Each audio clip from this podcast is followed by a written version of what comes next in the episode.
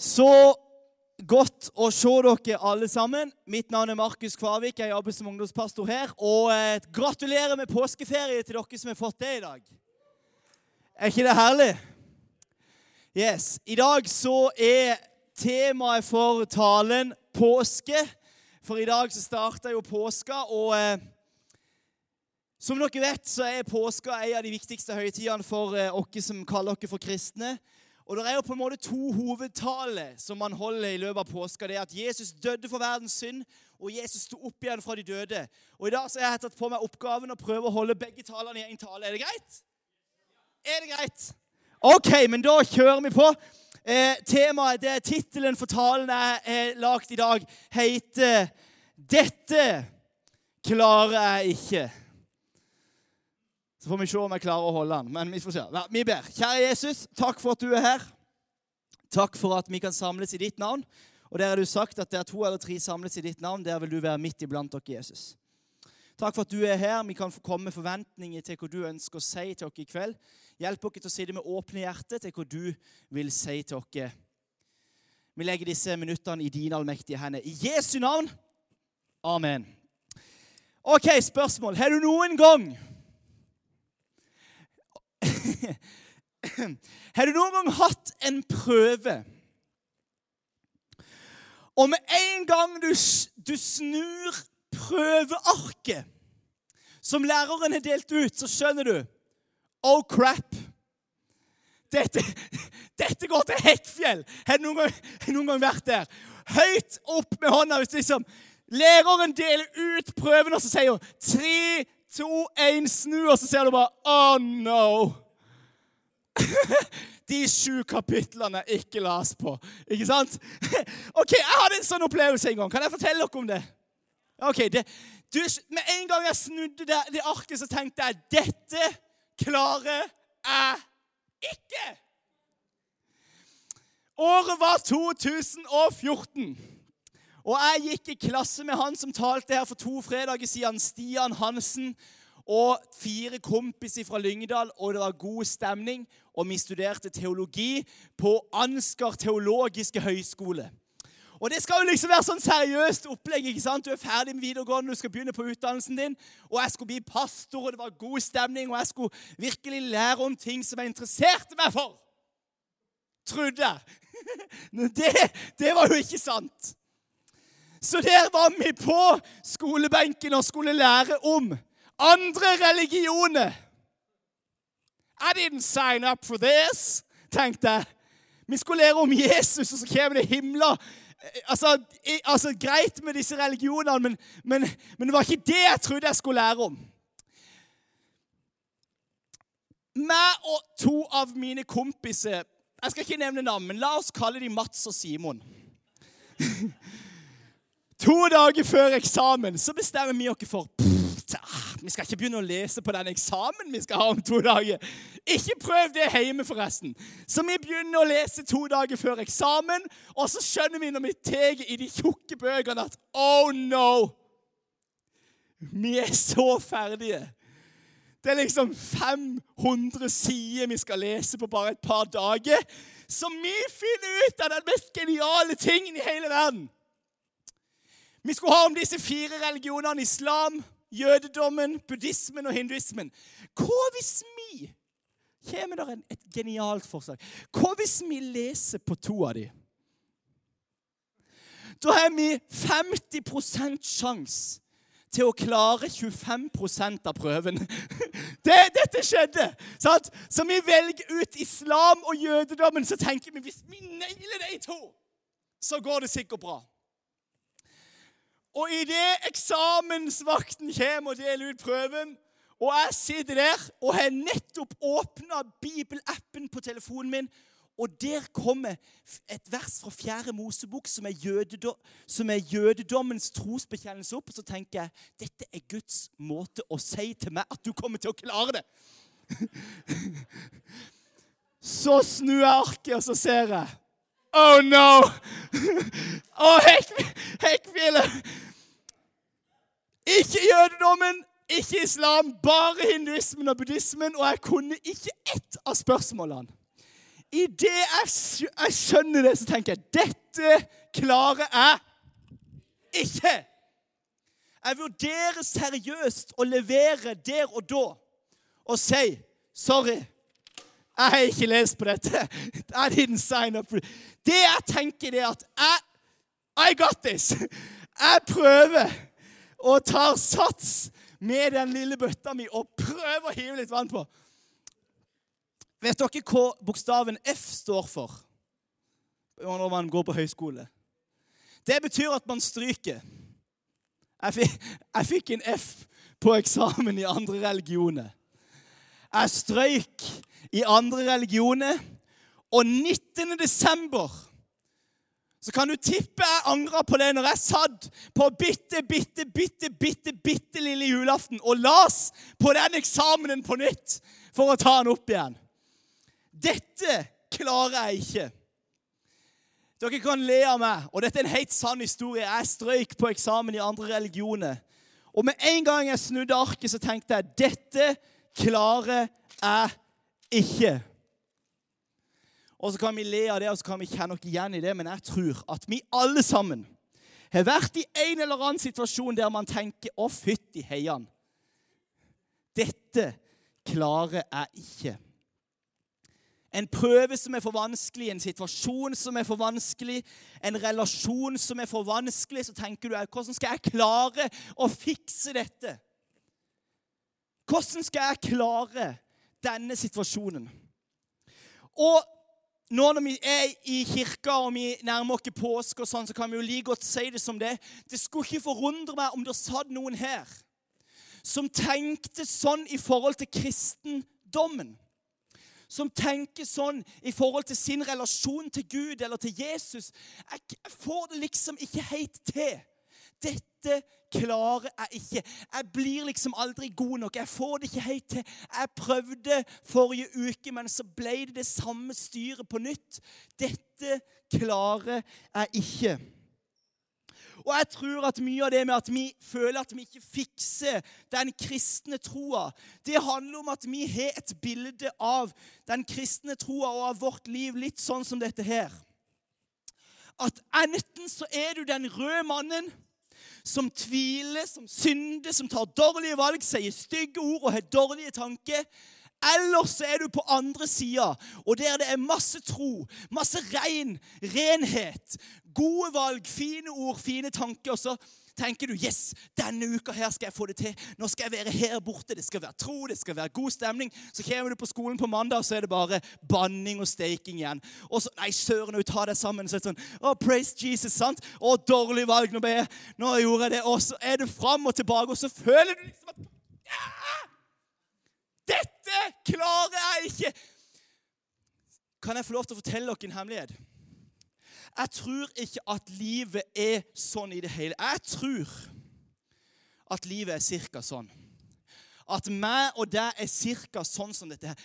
Jeg tror ikke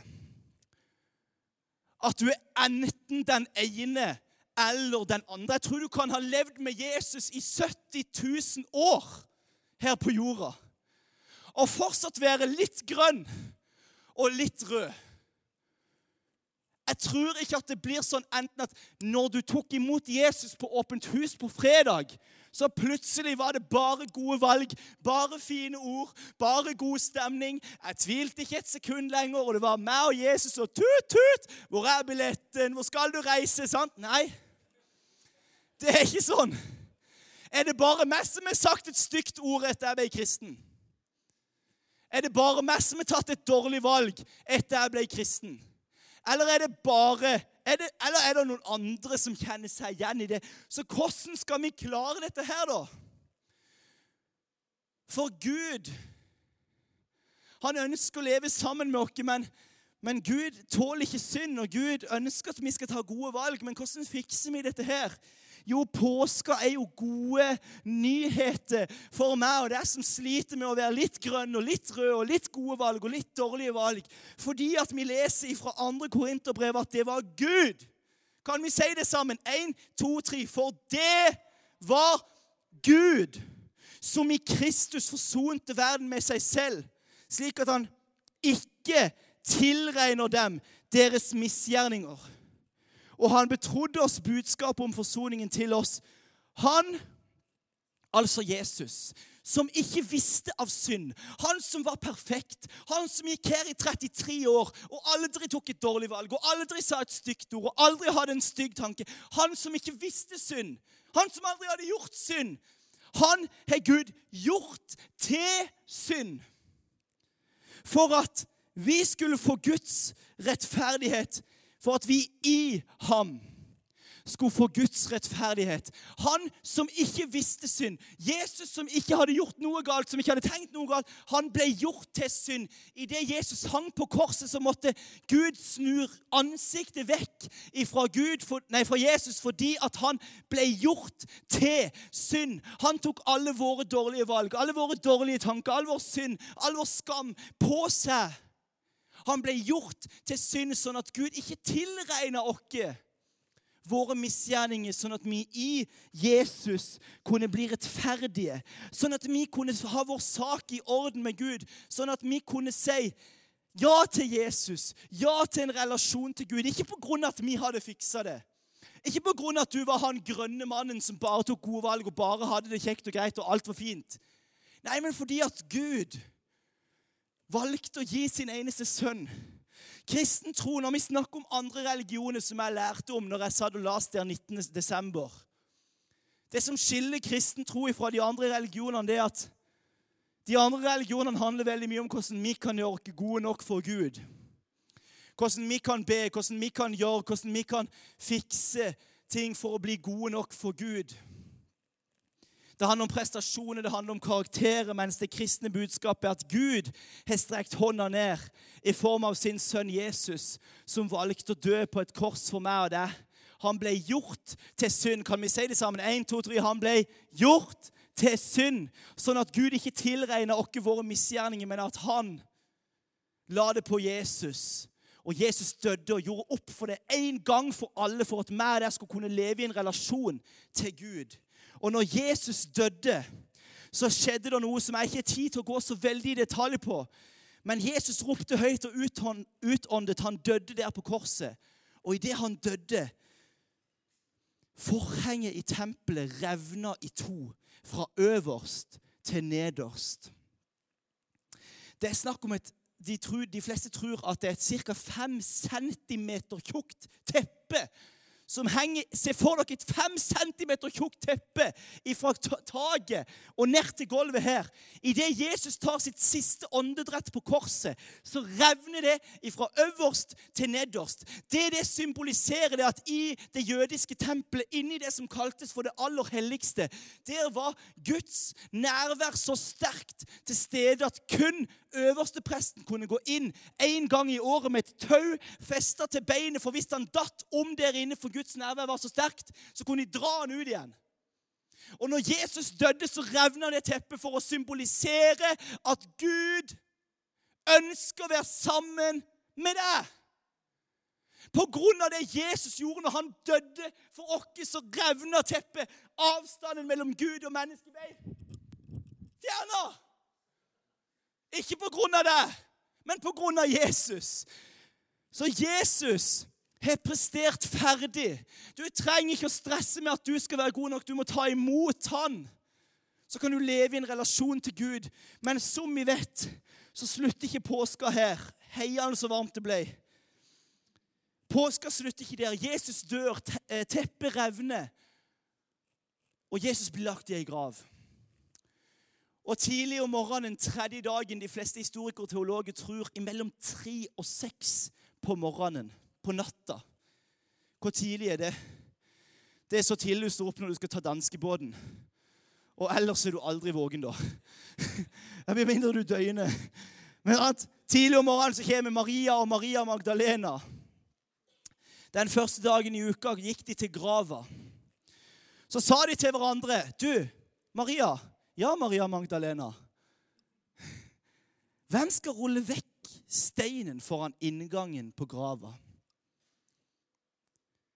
To damer på ca. drittidlig og klokk. Trøtte og fæle skal rulle vekk en dritstor stein foran ei grav for å hive litt olje på Jesus sin kropp. Hvis jeg sier at steinen veide 100 kilo, jeg har ikke peiling, men da skjønner dere at det er, det er stort. Det er en stor stein. Bibelen sier det, jeg skal vise dere etterpå, det var en stor og tung stein. Skal jeg si dere noe Åpent hus Lyngdal? Er dere klar? Jeg tror at noen av dere står foran en sånn stein i kveld. Jeg tror det er noen som kom inn her i kveld, og som tenker denne steinen, denne utfordringa, dette klarer jeg ikke. Sånn som Maria og Maria Magdalena. Denne steinen er for stor. Denne utfordringa er for vanskelig. Denne relasjonen klarer jeg ikke lenger. Og så stender det i vers 4. Men da de så opp, fikk de se at Skal vi si det sammen? Steinen var rullet fra. Den var meget stor.